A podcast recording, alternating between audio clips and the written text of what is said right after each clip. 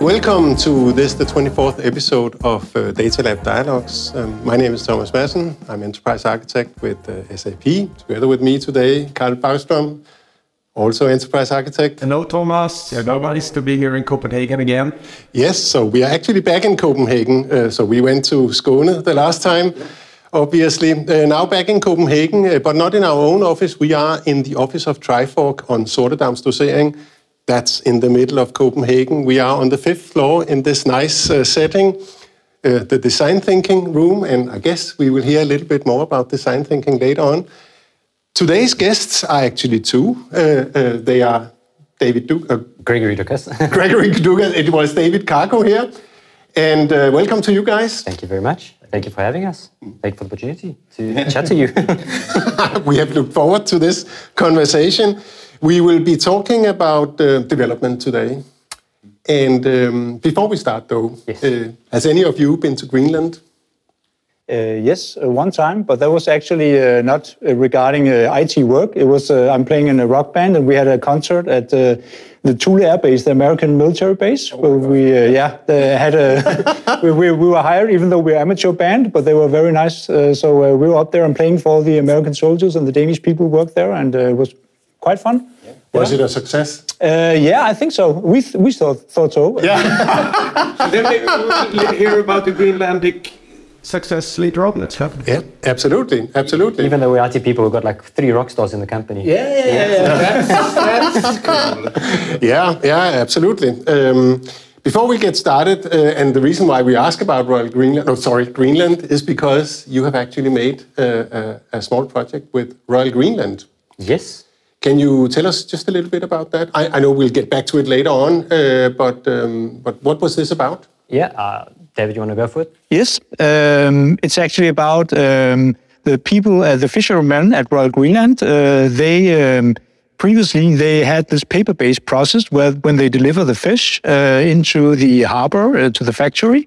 they needed to sign all kinds of papers, register what did they catch, and so on and that was something uh, that sometimes they entered the wrong data or sometimes they forgot the, the, to deliver it uh, in time and all this stuff. So it was very error prone and there were lots of delays. And uh, Royal Greenland, they have a lot of um, demands from the authorities. So they actually need to re- report two, three uh, times a week. So uh, delays are not good in that process. And um, and uh, on the other hand, they Royal Greenland wants to kind of um, make it easier for the fishermen to uh, to be uh, supplying fishes to Royal Greenland. So so that's why uh, the, this idea about having a digitalization of the process to make it easy for the fishermen to register the catches. Uh, how they were cast and so on. That was uh, a good case. Uh, so they wanted to try to see if we could build a solution for that, a mobile solution, including integration to SAP. Yeah. And, and furthermore, you can imagine if you have so much paper coming from the fishermen, it's not exactly a very uh, clean environment. And you have a whole pile of papers, uh, fishy papers, standing on someone's desk, and they have to capture this in the SAP system. Yeah. Uh, so this person didn't really enjoy their job. No. and I, I, guess even an optical character emission can have a challenge with that kind of uh, yeah, and fishy papers. Yeah, of course, fish, fishermen trying to write with gloves and uh, trying to understand that handwriting. Yeah, so it was a uh, we heard from uh, some of the data captures that they'd never been on, on leave for, for years because they just had so much work and so much paperwork to just keep capturing data, capturing data. Yeah. So, yeah, we, we, we, we think, we, we think we improved their lives. yes, yes. Uh, I, think, I think we should put the video that explains what you just said uh, to the uh, podcast. Absolutely. And, or, and, and so that people can have a look at yeah, the, the, nice. the, process. Yeah, we'll do that. We'll provide the link. Uh, uh, basically, you should watch it for sure. I got a basically a lump in my throat when I saw it. It's such a beautiful yeah. video, a beautiful story, actually. Yeah. Um, you know, it has all the elements. You know, improving people's lives there, sustainability, uh, efficiency. Absolutely, yeah. Win-win so, story. Yeah, yeah, absolutely. Yeah. So. Um, uh, that is a, a great story, and uh, we'll get back to that a little bit on, on how you uh, actually uh, developed this uh, this program. But before we do that, uh, could you guys perhaps tell a little bit about yourselves? if we start with you, Greg, yeah, are you sure. and, and why are you here? why am I here? So, yeah, so my name is Gregory Dukas. Well, the, the one, one, one sentence summary is I'm a South African Greek currently living in Barcelona. Working for a Danish company. Working for a Danish company, yes. Uh, let me unpack that. Uh, yes, my childhood was in Greece. Uh, I moved to South Africa, hence the South African accent, uh, which I lived most of my adulthood. About three years ago, I decided to move back to, to Europe. And yeah, Trifork was opening up an office in Barcelona, so it was a great opportunity for me. And I joined the team. Um, career wise, I studied uh, computer science. I got a master's in computer science focusing in AI. Uh, I started my career about 15 years ago in South Africa with one of the leading banks in South Africa. And they trained me up in SAP ABAP CRM5. It was fun doing uh, web, web, UIs and uh, those, that technology. Then eventually I joined Dimension Data, which I think now is owned by NTT. Uh, and they, there I started with Neo, the infamous Neo. And yeah, from there, my cloud journey just uh, expanded. Uh, currently, these days, I'm focusing on app development in the cloud, in BTP, and everything from HANA, UI5, ABAP, and yeah, everything in between. Awesome. Yeah. Fantastic. Nice. And you, David? Yes, uh, I'm working here as a SAP architect and developer, uh, and I started actually uh, in uh, Germany at SAP, uh, but I am from Denmark, and I just moved down there to work uh, three years, and that was in Walldorf. In Walldorf, yeah, yeah that was yeah, very exciting. Um, because I also lived in Germany when I was a child, but that's another story. Um, so, so that was fun to work down there for three years, and then I got back and I also started with ABAP and all the stuff and followed then on to the SAP portal and did the web development mm. and these things. And then uh, BTP was very interesting when it came out, uh, first as Neo and so on. And so I also joined that journey. And uh, yeah, it just gives a lot of interesting options. So uh, yeah.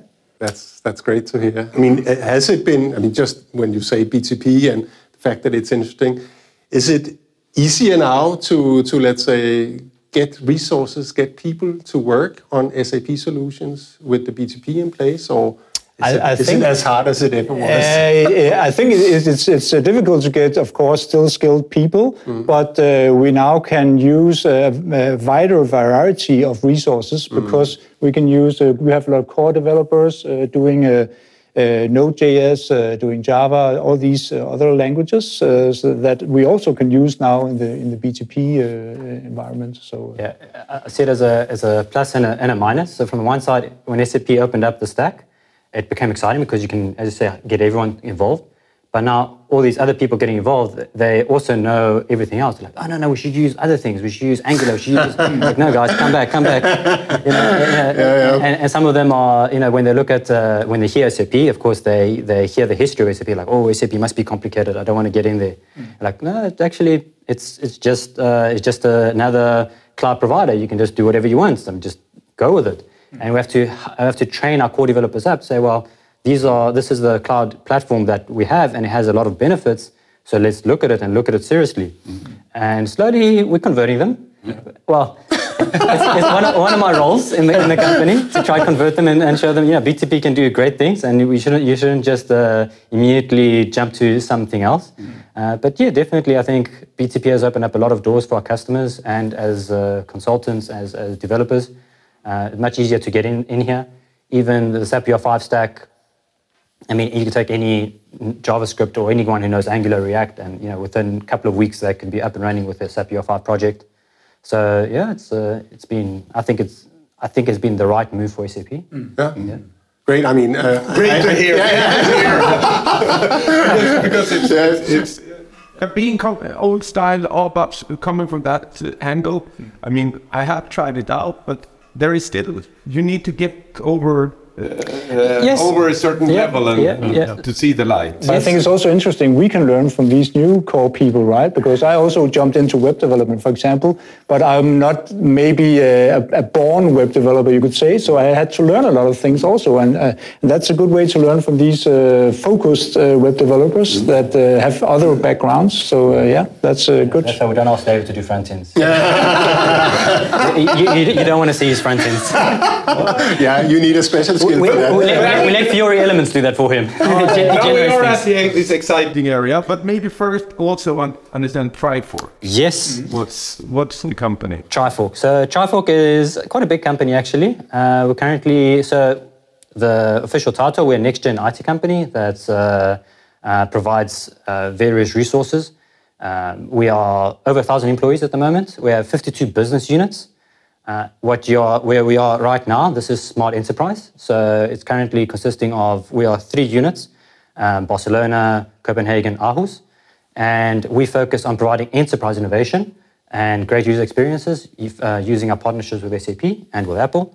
And so yeah, we believe, so as I said, the Smart Enterprise, uh, what you want to call it, vision is to provide amazing user experiences, specifically to these enterprise customers. Uh, why we are 52 business units uh, is because Trifork has this mentality that we shouldn't let any business unit grow too large. And it's a, a, very nice philosophy that whenever a business unit grows to about 40, 42, 45, we start thinking, okay, how can we logically split, split the units? Mm-hmm. Um, what, we, what we see is as soon as you do that, the bureaucracy, you don't have bureaucracy going wild in, in an organization, and it actually keeps the hierarchy quite flat. Mm. Um, so I think in Copenhagen, how many are you? Ooh, 25 or something? Yeah, like yeah, yeah 25. So. And I mean, this is just one of our offices in, in, in Copenhagen. There's the other, there's another business unit, or another two business units. Mm. Well, there's, an, there's, there's another official Trifork business unit. There's Aachen Labs, which is also another business unit. In Aarhus, I think there's another three business units. So mm. even though we're in the same location, cool. yeah. there's different business units. Yeah, uh, in, in Spain, we are Barcelona unit and we have a Mallorca unit. Uh, so we're all part nice. of the, yeah, we, we, we're, all part of the same family, yeah. uh, but doing maybe slightly different things. Mm. So we. Do you collaborate if a customer comes with a requirement? Would, would it make sense, yeah. or yes, is it self-contained? The, the interesting thing is that we are not forced to collaborate. So we choose ourselves to say, okay, we want to use those and those resources or those units there uh, because that makes sense. Yeah. And I think that's a nice way of doing it. So uh, so it's more like inner driven, you know, and you you set up the best team and uh, mm. yeah. So yeah, and it's and it, I mean naturally you can't have all the resources yourself, um, and you don't you can't have all the skill sets yourself. So it's nice that you can have uh, family units that you can rely on. So you know I need I need React developers. Can you help me out? I need AI developers. Can you help me out? I know currently we, with one of our recent wins, we it was collaboration between uh, five different business units. Um, so yes, we do collaborate often. Mm.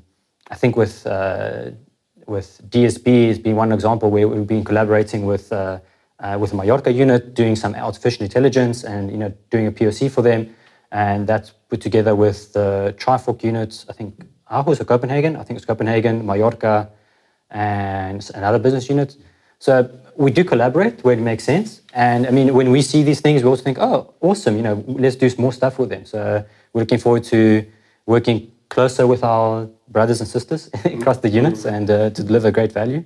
Because as I said, we can't all be specialists in everything. No, no, no, no, got, it, got it. Did you always do that, or did it accelerate during COVID that you know now everyone was working virtual? Huh. Was there any change? Yeah, I think there was a change. It's more, I think it's mostly on the customer side, right? Because a lot of customers they previously would like you to be on site some days every week, mm-hmm. but now it's like, uh, no, no, you don't need that. No, no, we just take a yeah, meeting. So, so it's more like from the customer side, I see the change. Uh, yeah. So it's helped me a lot being in Barcelona because uh, uh, when when I just joined the company, you know, I had to be here three, three, four times a month. Now it's like, okay, if we see you once a month, it's fine. Mm, yeah. So customers have become uh, very flexible to work remote, and even um, even within the customer themselves, you see people don't even go, don't go to the office very often. So most of the times, everyone's just remote all the time uh, or virtual all the time. And I think that is a, a side effect of it, which I think was really good. That you get access to people so much easier mm. uh, because other than I mean, being SAP, people were flying, traveling some good guys, girls that you wanted to contact. Now they, you see, green light. Okay. I, I, I, can get a little yeah. busy. Uh, yes, no. Little short it's, question. It's, it's coming back a little bit now. I, I, I sense, but but I mean, basically, yeah, you're right. It was so much easier to get hold of the big guns, uh, yeah. uh, and, uh, and unfortunately, I mean, SAP is a large enterprise, and not at all like Trifork in the sense that we are subdivided here. But still, I enjoy working for SAP in the sense that uh, you can you can basically write to almost anyone and actually expect to get a reply. Uh, and so so while it is a big hierarchy, yeah. it's also flat in an It's very yeah. network yeah. based. Exactly, so if you have contact whatever position that person has, it's reachable to get. That's that's nice with it. But Trifork, you do you do SAP work, but I guess you do other work as well. Yes, SAP work. Uh, so we're doing uh, stuff in AI. We're doing. Whew, uh, net, net, Yeah, we do actually a lot of the health apps, you know, here in Denmark. We have uh, been uh, participating developing those. Uh, Sundheds-appen and uh, the Corona app. Uh, we have and, uh, lots of stuff. we have been involved in that. Um, so I would say the SAP part is, is, a, is a small part of Trifork as a whole. Uh, yeah. So I think we have thousand employees in total in We have, Trifork. we have a yeah. thousand employees. I saw the number the other day. In, in Netherlands, we have a big uh, uh, Java house. They're busy working for some lottery customer. I don't know which one specifically.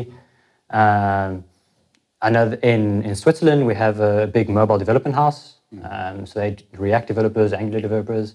Um, so then we have in our Aarhus a big um UX, um, design thinking UX, that's specifically Duckwise. They specifically focus on doing that. Uh, and, and it's great for us because even though we have UXs internally, sometimes they're all allocated doing other stuff. So we can rely on our Yeah. brothers and sisters to help us, you know, uh, um, run some of the workshops and help us with the, uh, some of these things. So yeah, we have. Uh, I don't know all the units. No, no, 50 units. And, yeah, yeah. and I was- noticed that there's also a lot of labs. So labs is, is an interesting part, uh, an interesting piece of the company where we uh, invest in startups. Uh, and we give them a bunch of money and say, well, try it out. If it works out, then uh, you know it's a great idea. It, it, it goes to fruition.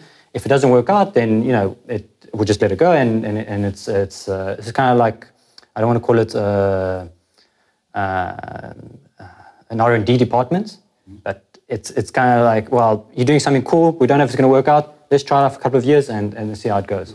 Um, and our CEO is very um, excited about this space. So whenever whenever you have a great idea, he will say, okay, let's spin off a different business unit or a different lab, and here's some money and go and try it out and let's see how it goes. So it's uh, Awesome, awesome. That's great.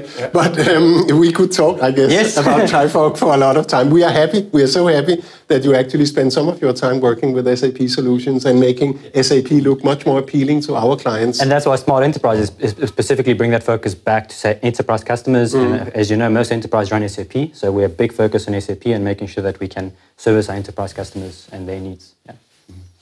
Let's pivot back to uh, Royal Greenland. Uh, and in that case, uh, thanks for, for the explanation.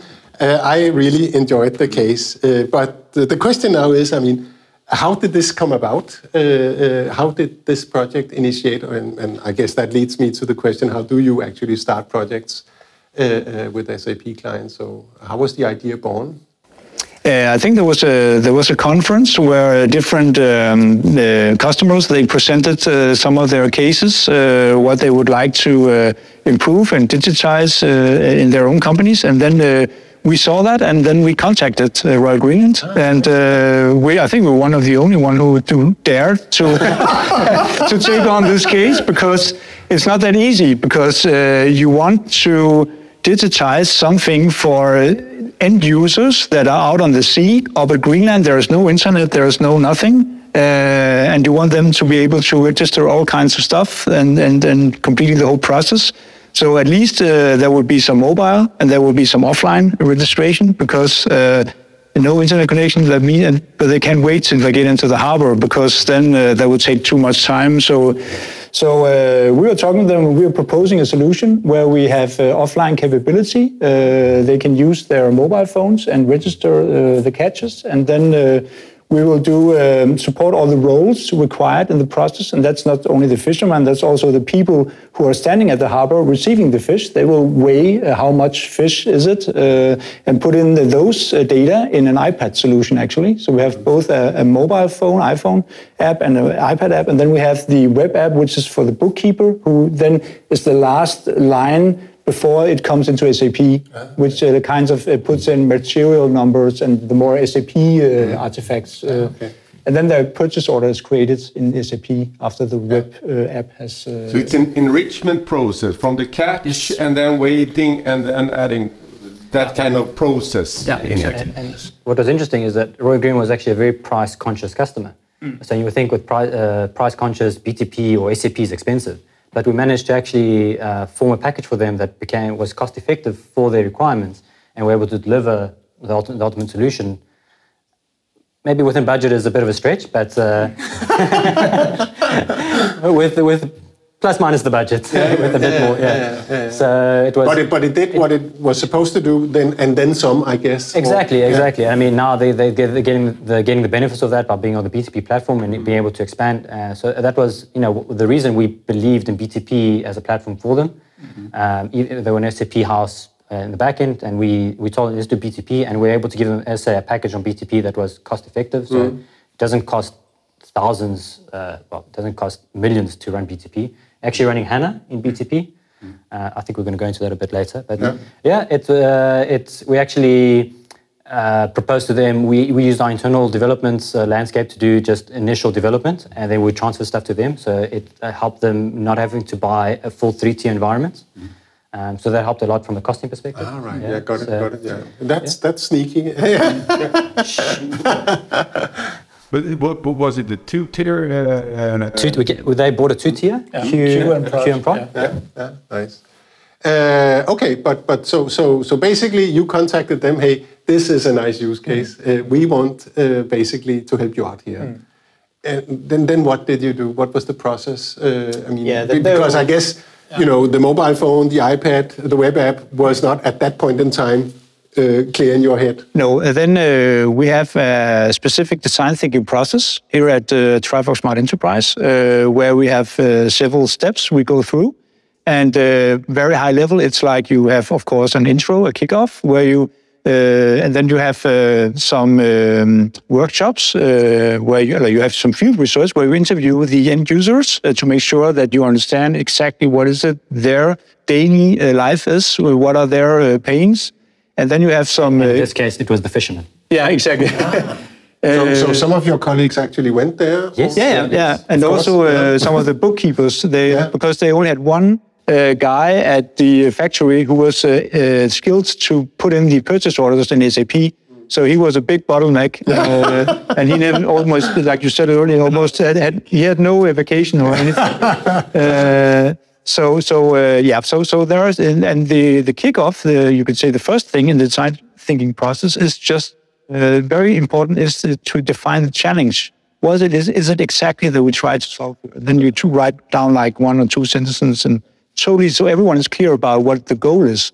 So there's no two different mindsets about what is it we're trying to achieve. A clear objective. Yeah. Yeah. And then there's the field research, as, as we talked about, where we uh, interview the people, and, and then you also interview maybe different people because so it's not one people, uh, one person's opinion that goes through the whole uh, process. Yeah.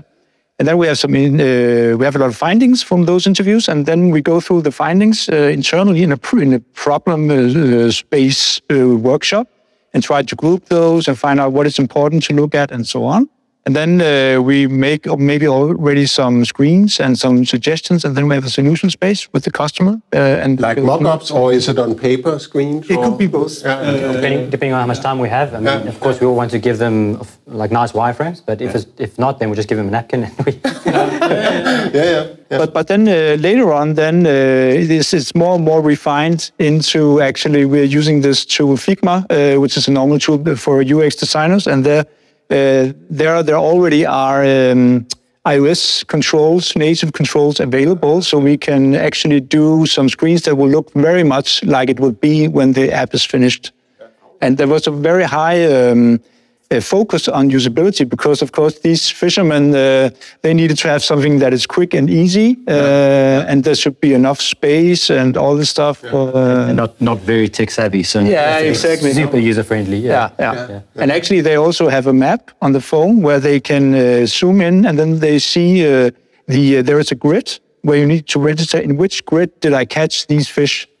So there's a and it's a huge grid on top of Greenland. Uh, then you zoom in, then you can select the grid, and so Ah, yeah, you don't need to worry about was I there or there. You can just go in and do it, and they probably do it right away as they're there.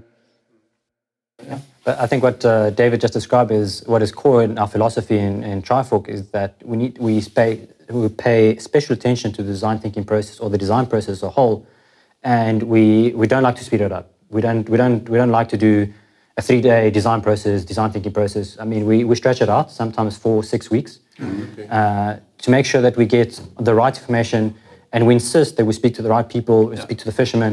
Uh, we insist that we get different people, so not the same fishermen coming all the time, or the different people coming in there. Got it, us yeah. It, it, is, is that a challenge? Because sometimes Yeah, it is a challenge, Yeah, and, I- and a lot of times we have to push back and say, no, we need this, we need this, and and the, and the customer a lot of times pushes back, but eventually when, when we show them the value they get out of it, and when they, they see they're like, wow, okay, this is this is the feedback we're getting from from our end customers, and sometimes you're teaching you're teaching the the, the managers or the higher ups that actually this is what's going on on the ground. So it's happened many times that we've, uh, you know, we identify when we actually start speaking to the people, uh, the problem statement is completely different to what they told us initially. So, and that's and that's exactly why we believe that we need to speak to these people and we need to have a, a proper design thinking process and, and go through these exercises. Um, and yeah, at the end, providing them the, the wireframes that will be the end solution, and then from there. So we don't we don't like to talk solution and technology in them because that's irrelevant. Yeah, yeah, we, we, absolutely. we experts, we know we'll do it. do, you, do you think this is is like a dual thing, or will we change in in five years from now? It will go like this, or is it this detecting? Uh, yeah, uh, this designing part uh, where you're working, and you say we need to spend the time. Yeah. Actually, we sell that without doing a solution sometimes. Because the amount of learning it gives to the people inside the company, as you also mentioned, that is uh, a huge value for the companies. And some uh, more and more companies see that value now. So, uh, so th- that's also why maybe in the some years ago, companies, consultancies would maybe go out and say, we do this for free because then we get the project afterwards. But we are more and more doing it as, it as a um, isolated uh, contribution or as a, a value that we come with as a, as a project in itself, just doing the design thinking process uh, because it gives so much value. But then you also need to do it the right way, otherwise it's. Uh, And, and uh, that's why it's important to have the right stakeholders in the room from this beginning. Mm. Or, and, and who's driving the project? A lot of times, when it's IT driving the project, then they say, no, no, don't, don't approach business. It's an IT project, we'll do everything, we'll deliver it. Mm. And time and time again, we've actually accepted it and did something, and at the end, it was never used. So, and we have a very, we have a Then very it's waste of money. and, and it's a it's an example in the, in the past five years where we've done exactly that. That IT said, no, we need the solution. The, every, the business needs this. It's like, have you spoken to business? No, you don't need to speak to business. We know this is what they need. Okay, let's build it. We built the whole thing. We d- d- did the screens. It went live. No one used it. It became vaporware. So it's eventually. I mean, now I think it after. I mean, I think the other day someone asked about it. I mean, the code is there, but it's not. No one's using it. Is is it? I mean, yeah, it's an interesting point. Uh, is it because the design is really poor, uh, or is it because there was no sort of ownership in the process from the business that something basically was pushed upon? It might have been a good design, but since there was no kind of uh, collaboration around it, it ended up not being used. Or The, the design, the, des- uh, the design was, um, it, it, it, it was, it, it was fine. It was, it was a beautiful app. It worked. It, I have to say, it, it, it worked very well. Yeah. Uh, but the, it didn't fit into the process. So IT did not understand fundamentally what what the what the what, the, what the guy on the floor and the technician was doing out in the field. So when he saw this app, it's like, okay, it looks amazing. It doesn't do my job. Yeah. So a lot of the things is also it's like traditional change management, right? How are we working in our company? And a lot of uh, customers still are looking at that and maybe not knowing uh, what are we exactly doing in our company. I mean, that's a bit uh, dangerous to say, but in some areas it's uh, more we, severe than we, others. we have some supporting statistics on this because nowadays we are moving a lot of our ECC customers to S4. And we are everybody's concerned. Oh, my own development is problem. We see stats that those customers who are moved, we have tools to investigate it. 60 to 80 percent of the own developed code is not used. And, uh, so, so you, you don't need to move it on. That could be of many reasons. It was an old migration program since the 90s. That was never used. But there are for sure probably cases where 20% with flies uh, and will still be used. But the yeah, just decided to yeah, vote yeah, that. yeah. And I really like the slide from SAP in TechEd where, you know, it, it, it, uh, I don't remember the speaker, but he said, you know, as companies, you need to focus on what, differ- what, what is your differentiating value and then you focus your effort in doing development on what makes you different. Everything else, the standard processes, let standard software take care of it. Let SAPs take care of it and buy something off the shop. You don't have to waste money and resources doing the standard stuff. Just let other things. Figure out what, what, what, why you're different and what makes you different in the industry and focus in doing highly customized solutions for that space. I think. Um, I, I also want to sidetrack a little bit because I, I think the, the, the, process that you're talking about here and the fact that design thinking uh, or you know, evaluating or coming to the right uh, conclusions with respect to what are the actual user requirements are so important is, I mean, so that part of the process is so important. And, and how does that fit then with the fact that we keep promoting low and no code tools that, you know, supposedly should allow me who are a non-professional in coding to say, okay, I have a business problem here. Hey, let me do a small app because I can. Uh, uh, but then, then I have sort of skipped the process where I actually evaluate. I mean, what is actually required of this? I mean, how how does this uh, this this fit together? You're poking a thorn. so, I mean, uh, as being a consultancy, we of course mostly pro code uh, developers. Mm. So low code tools always comes like, ah, what is this about? But I really feel pro, uh, no code has a has a, a, great place in rapid prototyping, mm-hmm. and especially in these uh, design thinking workshops. If you have if you have enough time, you can actually go ahead and you can actually build a functional app. Mm. Um, I, I, mean, ultimately, what we sell to our customers is uh, an exceptional user experience, mm. and we do that by providing native, fully native apps uh, with that experience. But I feel that using these no code, these low code tools, you can actually build something that looks good enough for them to understand the process, understand right. how, yeah, and, and integration, yeah. and then they can see this working end to end, and then you can hopefully get the cell to to continue doing on. All right. Yeah. Um, of course, no code is also a great accelerator for us. Um, depending on the tool, some tools you can take it from no code to pro code. Uh, other tools you have to stick to that. Uh, and as I say, it's, it's a for me it, it's it's a great tool for prototyping. As a, but I mean, I'm going to be biased because we are pro coders, and that's, what, that's, what, we do. Uh, yeah. And uh, it's it's it's. But again, I would use it if you know if, if a customer calls me up and says, you know, I have this requirement. You know, can you show me? Can you build an app that does this? I say, well, you know, you're going to give me three months or you're going to give me three days. if you give me three days, I'm going to use a no-code tool to just put something together. Yeah, yeah, uh, and that's what it's about. It's about being, being able to show, especially customers that have never seen a mobile app, to very quickly um, get them to see something and get them excited about it. Okay, let's talk about the real thing. Yeah, okay, got it. Yeah, right. So, first, design thinking. You you got the design right. Then yes. you have your your your let's say mock-ups, uh, papers, and all that. Problem statements. Yes, exactly. Yeah. Then on to development. And um, is there any uniqueness in the way you do development, how you staff uh, your organization, or how do you go about it? We call David. yes, you could say that um, at that time uh, we knew it has to be an offline app, mm. and we knew that the uh, the uh, usability needs to be top notch. So we went uh, for uh, doing custom iOS apps. That means that we are not using Fiori, we're not using a web app or something, we're not using some tool that generates the iOS screens. We built them using real iOS developers uh, totally from scratch. SDK. Uh, yeah, but we used the SDK from SAP uh, for BTP iOS SDK, I think it's mm-hmm. named mm-hmm. now.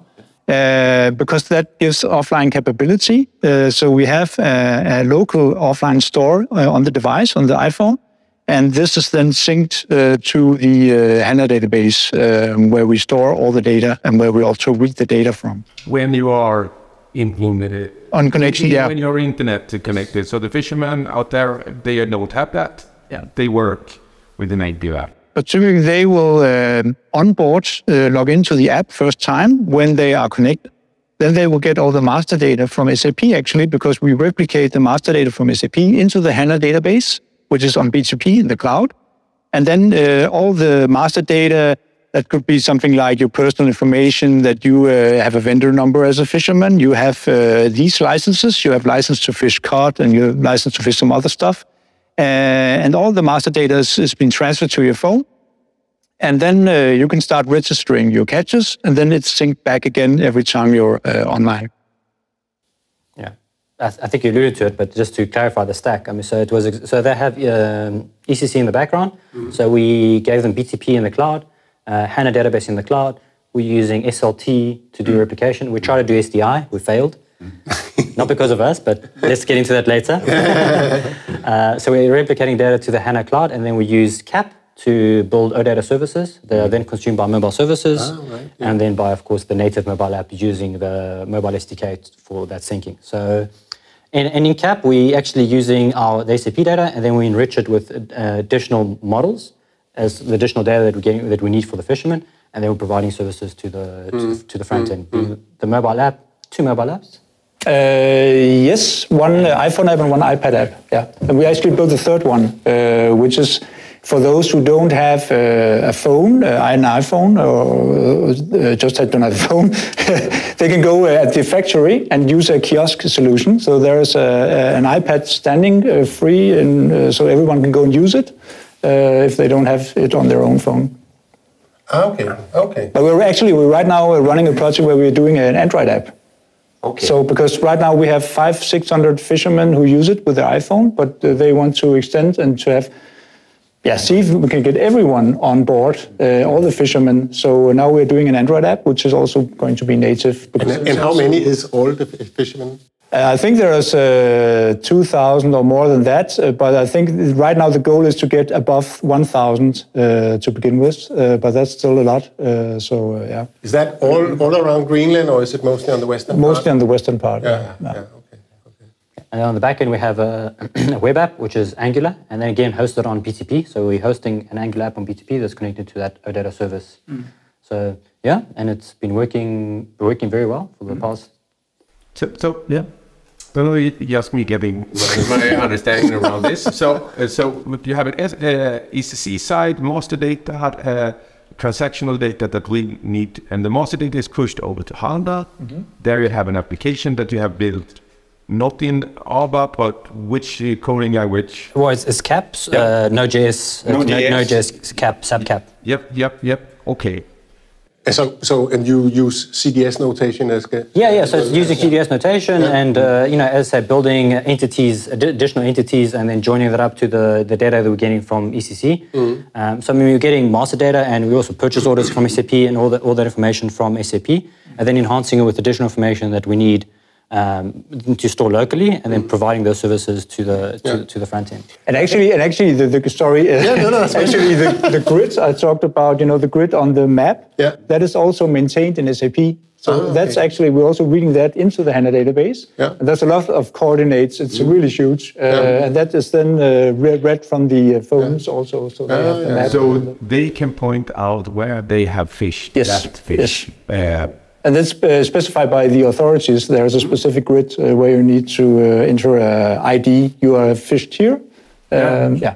that, that's super interesting. Maybe later we can go come back to So that. you're using HANA's geo uh, functionality? Uh, no. No. Uh, we're just transferring all the coordinates that are maintained in SAP uh, in some uh, custom tables. Yeah, okay.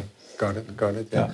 But I mean, even um, even e- even when I guess when uh, Royal Greenland moves to S4HANA, this this HANA Cloud instance will still be relevant because you have auxi- or, or auxiliary data there, and it's actually also caching information, right? Thank you for that. I mean, that's one of the reasons we promote our customers to do this and always replicate the data into, into the cloud. Uh, because if the backend changes, so from now ECC to S4, S4 eventually will start providing, or not eventually, does provide APIs. Mm. So we can, currently we're building, well, currently we're replicating data, but we can actually switch that off and actually start getting the data using the APIs. Mm. Mm. So there's, there's various ways that you can start changing how you do this. Well, Okay, replication can happen the same way, but of course, when we have to update data, we currently call OData services in ECC, which are uh, custom OData services. As soon as we move to S4, we can replace that and we can switch over to standard S4 APIs to write data back. And, and, and as S4 keeps upgrading, the, the middleware, if you want to call it that, can stay the same. And just you're just updating your backend link and how that needs to connect. Um, so, and we we promote this idea because 90% of our customers complain about performance in ECC. And let's be How let's, sad. but let's be realistic. ECC ECC was not built to be uh, a web uh, a web driven engine. No. It's not there to handle a thousand HTTP requests simultaneously. It's not built for that. I mean, and that's fine. You know, traditionally, it was a batch processing system. Mm-hmm. Now it's become more slick and it can do a lot more stuff. Optimizing processes. Yeah, just, yeah, yeah. but it's still not meant to do thousands and thousands of concurrent requests. And and, when- and when base and basis doesn't even know what to do with this, when they see a thousand concurrent requests, they think that something is going wrong. Some, that we're under attack. so so exactly the reason why we say, okay, well, let's take that the, all those because ninety percent of those calls are read requests. So take all of those read requests and move them to a HANA into a into a central uh, cloud instance like HANA, which we can scale infinitely. And we can have node services, and we can there we can again scale infinitely very easily. You have one instance, two instances, and depending on the load, you can just up and uh, resize it on the fly. Uh, and you, you hit all that load now hitting the, the HANA instance in the cloud, and only the write request going back to the, Yeah, to the, to yeah, system. of course, yeah. yeah. So it, it minimizes the traffic considerably.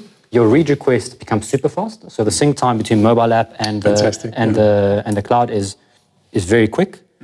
Um, of course, there's scenarios where it will be slow if you have a lot of data in HANA, if you're doing bad views in HANA, but that's a different discussion. Uh, but it's a lot faster than trying to read that same data from ECC.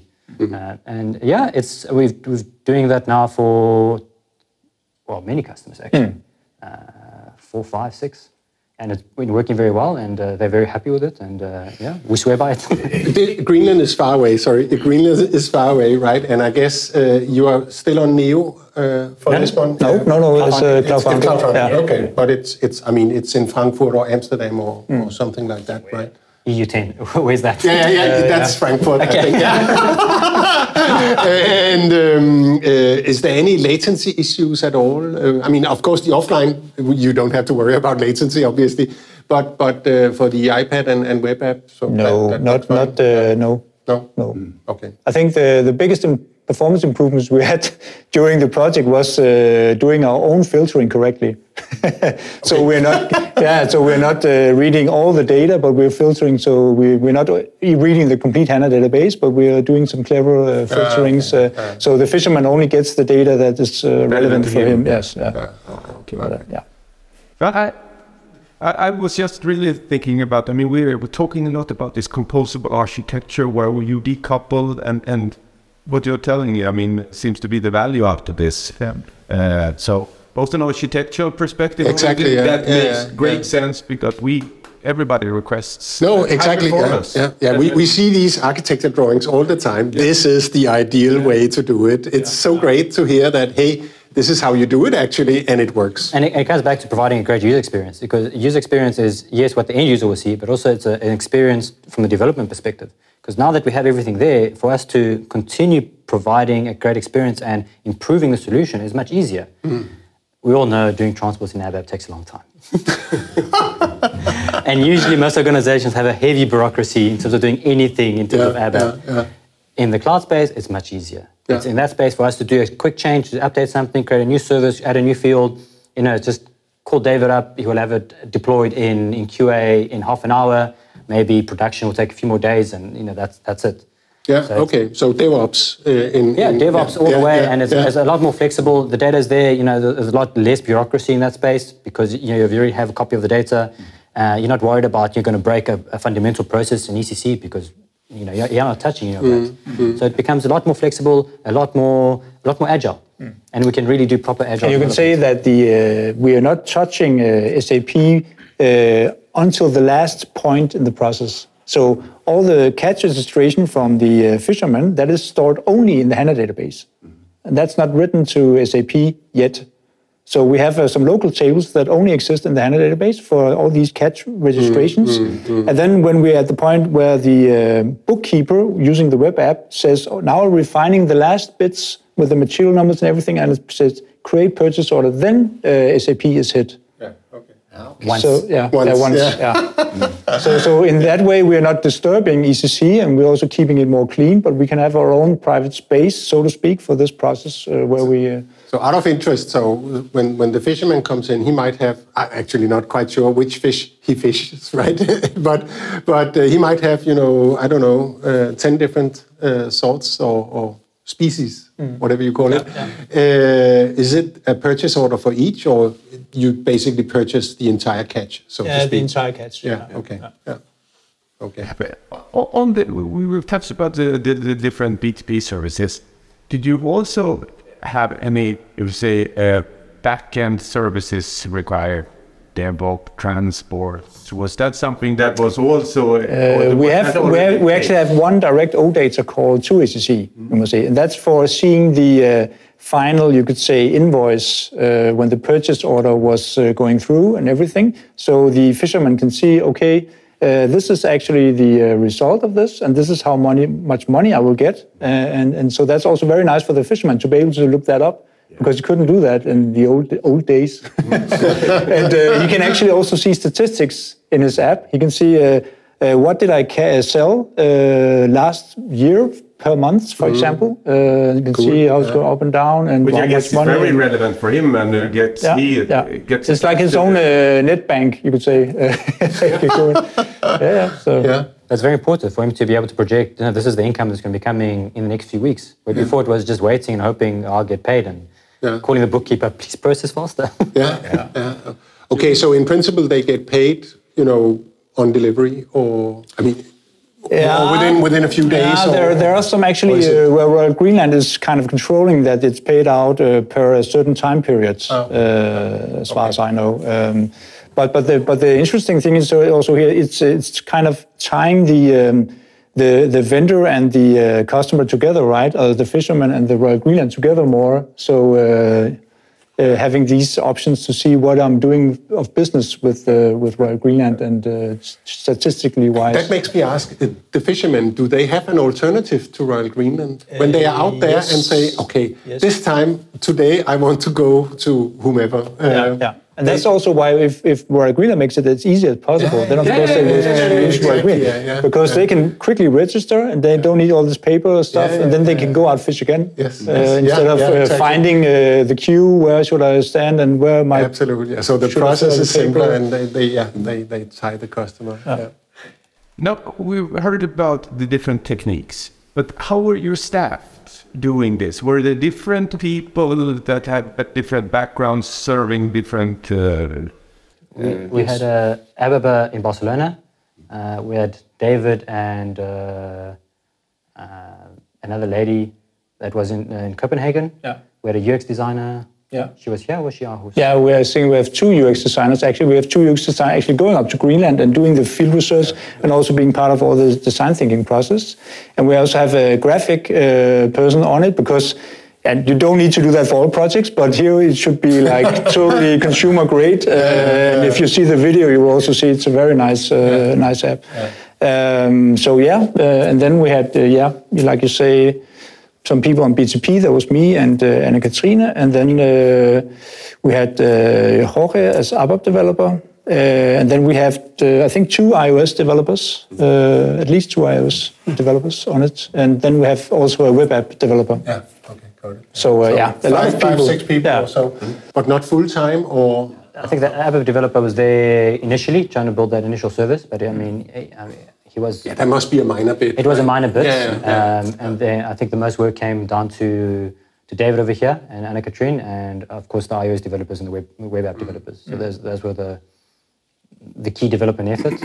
Uh, the UX designers, of course, in the beginning, a lot of work trying to build the, the screens, and then they they wound down, and of course an overall PM managing everything. Yeah, yeah.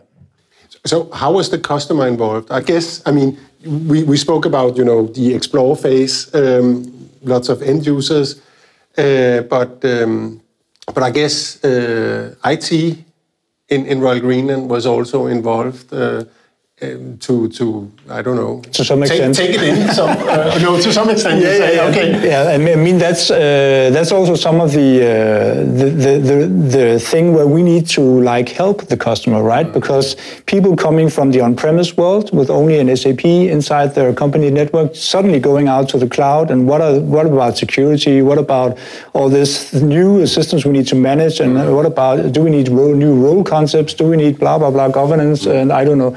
You can continue that road, and that's where we have a big task, kind of trying to tell the customer this is a good way to do it like this, and to help them along the way.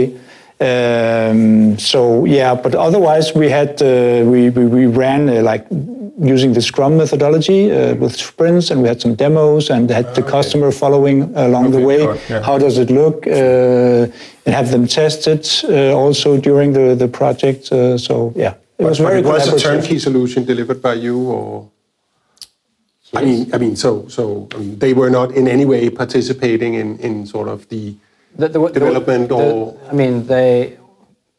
On the website, no. It was everything was done by us. Um, they were involved into just uh, making sure that we're delivering the right thing. I think I think Yannicka went there Yeah. during the project at some point with the app to show Yeah. the fish, to show the actual fishermen this is the Yeah, app think that's so, being built, Yeah. and it came back with some uh, constructive feedback. Um, so yes, there have been certain points Yeah, uh, that, that we went and yeah. speak uh, speak to the actual end users, uh, but most, the whole process was effectively done by us. Yeah. But how about daily operations? Is that are you somehow um, No. managing parts of this? Yeah, we have su- we have a support agreement Yeah. with uh, Royal Greenland, and uh, I think that's a good way of doing it because uh, so they don't need to have in-house skills for all this. Uh, And, and, and maybe, maybe larger customers, it makes sense to have in-house skills for this. Um, big companies that maybe have many solutions running on BTP or something. Uh, But again, it, it's case by case, I think, to evaluate if that makes sense. Uh, that's interesting because when we go out now meeting customer positioning BTP, our traditional people we are talking to, it's a new environment for them. And, and trying to enable them, in, getting them onto the platform, hmm. setting up some of the fundamentals of, of the different tiers and how they should think about it. So, so, so but then, yeah, it's, it's, it is what we're trying to convince them. We, we're really investing in the BTP and we are giving away uh, free tiers, stro- stockers, hmm. get the grip over this new landscape that will be there for sure hmm. going forward. Is that a general observation also from your side? I mean, we- you interact with a lot of SAP clients, and are they kind of? Um, I'm sure they are not reluctant to to enter into BTP services, but do they have the sufficient skills to actually adopt those solutions, or is there still a way to go? It's some customers uh, uh, feel that okay, I bought a cloud solution, it must manage itself. And then you have to say like, no, okay, well, yes, it's a cloud solution. It's uh, you know, but you, you still have to have a look at it and make sure that everything's running, and maybe hit a button here and there, and making sure memory is not running out or this is not running out. Uh, there's also a nice upgrade button you have to hit on HANA every now and then. Uh, If you don't have it set it to automatically upgrade. So it's uh, and you have, you have to train the customer up in this space. Uh, I, I think a lot of customers, especially coming from the old space, they're like, okay, HANA, basis guy, you do, you look at it. SAP Cloud Connector, what is this thing? Okay, we'll just leave it there, and, and no one manages it. yeah, yeah, Because there is no history of using it.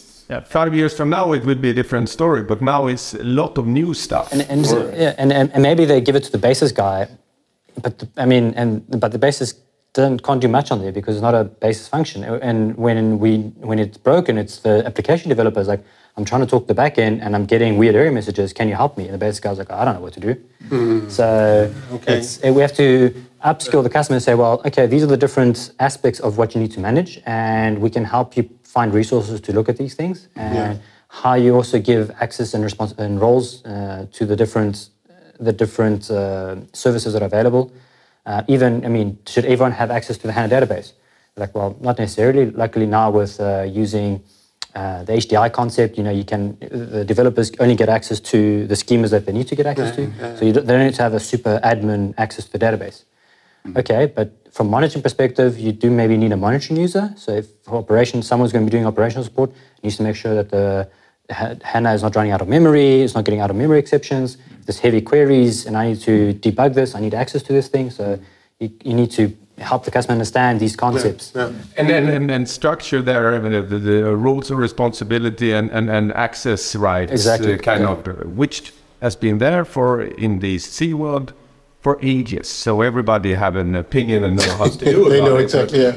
Yeah, Yeah. Are you using HDI containers in this uh, Yes, project? yes, yes. Well, CAP That's is, the way to do it. yeah, it. CAP Yeah, is yeah, yeah. inherently using HDI containers and everything. So. Right. Okay. Super interesting, and so great to hear about a real project. Um, what are the next steps for this, if any? I mean, are, are there anything on the horizon uh, uh, for for this particular project? I, I've heard sustainability being mentioned in the video. Yes, uh, one thing is we're building right now, uh, as we speak, uh, an Android app. So uh, we hopefully get all the fishermen on board uh, with time. And uh, then uh, sustainability-wise, um, there are a lot of uh, demands from the authorities. Um, and uh, I, I don't know, should, should I explain a Yeah, bit about that? go for Um, yeah. um, so, for example, one example is uh, there is a fish called stenbider. That's lumpfish. And uh, to get that uh, MSC certified, Marine Stewardship Council uh, certified, then you need to uh, be even more detailed about the catch uh, context. So the registrations uh, are even more important, how this fish was catched and uh, also bycatch is very important. Did you, um, for example, um, catch uh, some seals or some? Uh, were there also some seabirds in your net? Uh, you need to register that also because then you uh, it can be better be tracked. Is this still f- sustainable? This fishing that they are doing, or are they catching much too many other things they shouldn't? Uh, uh, but but for this uh, lumpfish certifica- certification, it's actually a requirement that all these data are provided. Uh, so digitizing this and giving all these uh, uh, data uh, supports uh, sustainability in that way, so they could get certified. Um, So to land this fish, you need to, to, to document these things. Okay. So it all comes down to sustainable fishing. You, need, you, you, need, you want to make sure that the uh, certain fish are not being overfished, and you- so you need by tracking the numbers, what is being fished, you, you, you can track that and you can do something about it. Uh, making sure when you catch fish, it has to be a certain length, certain weight. You can't, you know, you can't fish the young or uh, certain rules and requirements.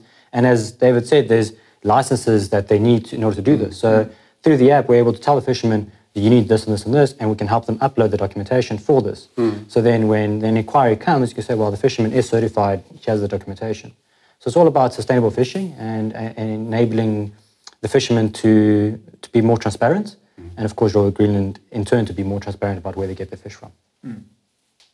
It's interesting because what within SAP we have heard about challenges similar to in, in Japan's fishing tuna fish and and that being a, uh, yeah. others uh, the thread yeah. So then same kind of legal requirement is needed and uh, and then they're talking about this contract the green token that that would be the digital twin of the catch and it carries on and your Mm, yeah, making making uh, updates on that. Uh, so I think uh, It would be interesting, uh, th- and thank you for that. It's, uh, it's, we, it's a nice opener for our next discussion with Royal Greenland to say, well, have you heard of this uh, green token? uh, and I think, as we, as uh, we discussed earlier, it's all about how, uh, you know, when, as the governments and, the, and also the, the retailers um, require this. eventually to me Yeah, as a and- and- and consumer, consumer- I, I don't want to have something Yeah, uh, yeah, bad the- on the table. The, the more we demand this, the more the companies will be forced to become more transparent about this, Mm-hmm. and this green token becomes a great way to do that. Uh, you can you can show the whole supply chain. You know, the, the, this what you're eating right now was fished on this day, on this grid on a map in in in, in Greenland. Uh, so. And now coming to that, I'm QR coding this, and it eventually ends up there. We're on the spot on the. the I mean, it, it, technically, it seems yeah, And, and, if, and, if, and the fisherman had the right license, and he had the this, and he had that, and And we can see Royal Greenland has taken the first step, right, or a very big step on that. So everything is in the system now. Uh, and it is it starts like this is what we we want i mean we we want to be the consumer that that is knowing that i'm not fooled by just uh, a, a stamp We want to do the right thing, uh, but we don't want to be cheated, no. and I don't want to pay more for it as well. Um, yeah, so so we spoke a little bit about you know adoption of BTP services earlier and um, and some challenges there. I mean, how what what could SAP do better to um, to help you guys um, you know bring about these solutions uh, uh, to our clients? I mean. How much time do we have? I mean, obviously, uh, error-free software, uh, but but uh, that alone does not do it. I think. Actually, error-free software. Interesting. I, I, I feel SAP is doing a good job. Uh, I mean, I, th- I mean, every software's got errors, and I mean, if I look at other frameworks out there, you know, as soon as they release a new version, it's it's full of bugs as well. So I, I don't think SAP is doing too bad in that space. Um, I think I, you probably hear this often: licensing and costing, and how you how is not very clear. You know the, the license agreements because there's so many of them out there, and you can be this tier or this tier or this, and if you're this customer, then this and this. And I mean, even we get confused, and we just say, just go speak to SAP, yeah, you know, yeah, because okay, it, it becomes. Uh, so as a Royal Greenland was a very uh, cost-conscious customer, and we had to be very careful about selling this. And uh, luckily, we managed to get it through. Uh, but you know, if you if you go look at the list price of HANA, you know, so some people can look extraordinary. Like, how do you sell that? Uh, you know, especially the HANA database. Yeah, yeah. The, so it's it's uh, it's being able to enable and yeah, SAP is pushing. You know, we, I mean, even if you're a small business, you can you can run a BTP and HANA. Okay, well then help us do that. Mm. Uh, from a developer perspective, uh, all everything is going on in terms of open source is, is great, and you know helping do that. And uh, but again, we see in certain areas SAP is enabling the developers with free tiers, but in other areas they're kind of cutting off. It's like no, there's not really a free tier, or it's maybe a 30 day tier. Like okay, mm. so what about day 31? Mm. I can't develop anymore. Mm. You know, I'm, I'm still POCing this thing and for us, it's not really a problem because I mean we we we're partner with SAP and yeah, we have, have we have uh, but I can imagine for other people trying to learn, it can become yeah. a, it become a challenge. Mm. Um, I, I, think HANA running HANA locally um, has been decommissioned. Um, mm. Uh, was it, what was it called? Uh, developer edition. Yeah. Developer edition or the developer edition, Express edition. Yeah. So I think that's being killed. Okay. So it's okay. Well, now what? but, but another thing I also think is uh, it's like in the SAP portal days, right? Because you come, you sell this SAP portal project, but you only have one app, right? So it's a huge cost just for one little uh, functionality. The same with BTP. Uh, if you use, for example, the HANA database, if you just have one scenario, it's going to be more expensive than if you had like 10 scenarios you were using right away, yeah. using the same HANA, HANA, database, where you might can cope with the same uh, storage amount for all 10 scenarios uh, together. So, so the stair is sometimes uh, yeah. entering it's a, it's a yeah, the, the first. For, for, for the first. yeah, for a smaller company, uh, and then we uh, also deal with a lot of uh, mid-sized companies and smaller companies as, as large ones also, but it's very difficult to get on board uh, if the this first step is too high. I mean, uh, so somehow, I mean, creating a CAP application without actually having a HANA Cloud instance, but just you know some some creating a serverless function somehow where where you only pay for these small resources or small resources or bundle you know bundle the end to end into a starter pack. Because I mean if I mean mm. if I if I had to look at a small customer and I have to sell him a real project, I, I need HANA, I need Okay, CAP is actually the cheap part because you run it on Node.js, and I think that's the cheapest thing you get out of yeah. BTP. but then on top of that, I need Launchpad, so I can put it somewhere so it can look mm. pretty. Uh, I need authentication, which I think comes, there's a, a kind of free version. Mm. I need mobile services, so I can offline. Uh, then I'm going to have the SDKs on top of that, that's fine.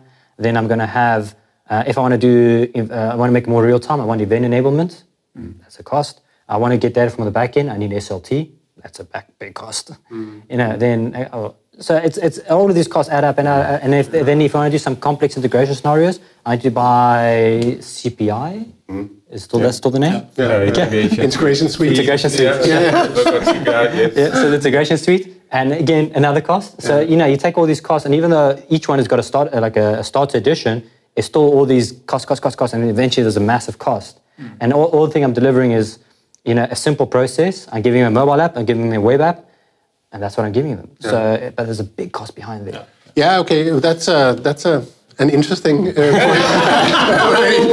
no, but I mean, I, I mean, we have these missions now. Uh, so you go yeah. into BTP, you see these missions.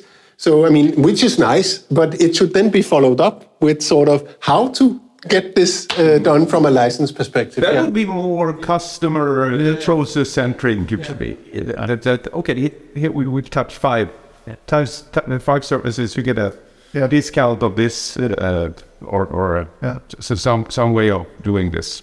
Well, we can't promise anything. No, no. no we demo these to customers, and they're like, "Okay, but how much is that going to cost?" You're like, uh, mm, "Okay." Yeah.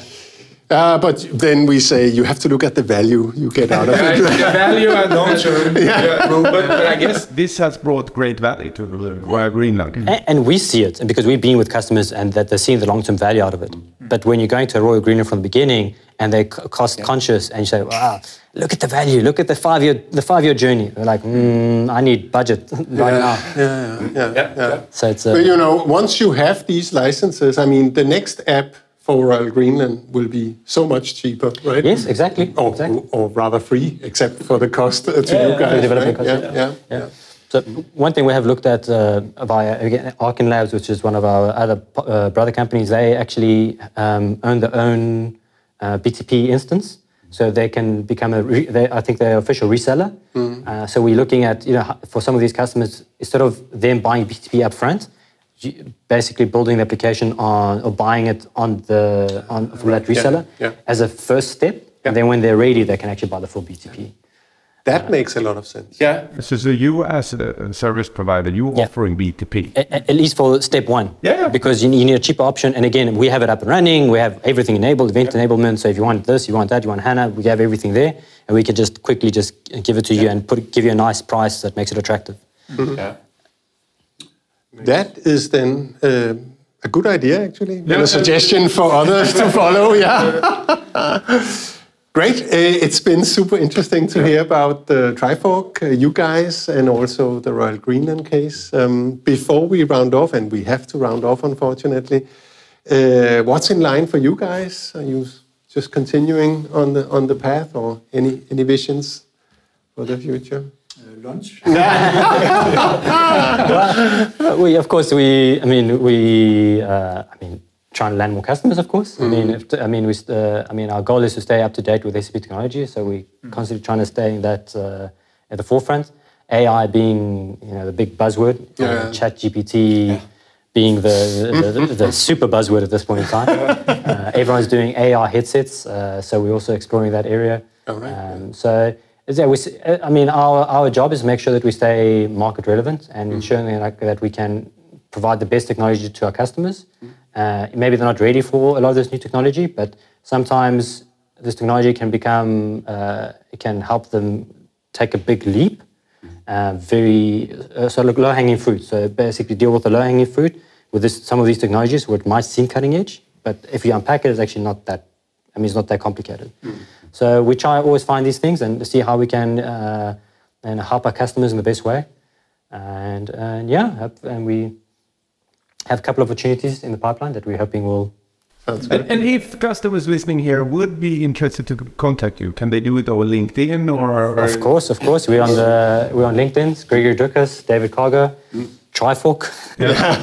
we, we will add. Uh, Oh, yes, your- your absolutely, contacts, absolutely, uh, yeah. underneath here. Yes, we always uh, we always eager to talk to customers and you know show them how we as Trifork uh, we have a reference architecture that we like to to talk about and we like to show our customers. So we we're happy to talk about this to any of our customers and show them some of our case stories. And yeah, we we like to well we try to attend as many conferences as we can. So if you find we find us somewhere, if you see our name somewhere, come talk to us. And yeah. And probably there are many customers uh, uh, going on the RISE model, right? So they're getting BTP for the first time and they maybe don't know what to do with it. So if they need some inspiration or something, then that's a, yeah, we would be happy to give that. Awesome. That's a, a great. That's a good uh, suggestion. Great, uh, finishing off. Yeah. So thanks a lot, uh, Gregory, David, uh, for, for taking time out to talk to us today in your nice environment here. Yeah, we were blessed with some sun today in, in Denmark. Yeah, another time we should do it outside. But uh, this was then episode 24 of uh, Data Lab Dialogues. Um, see you next time. Thank you very much.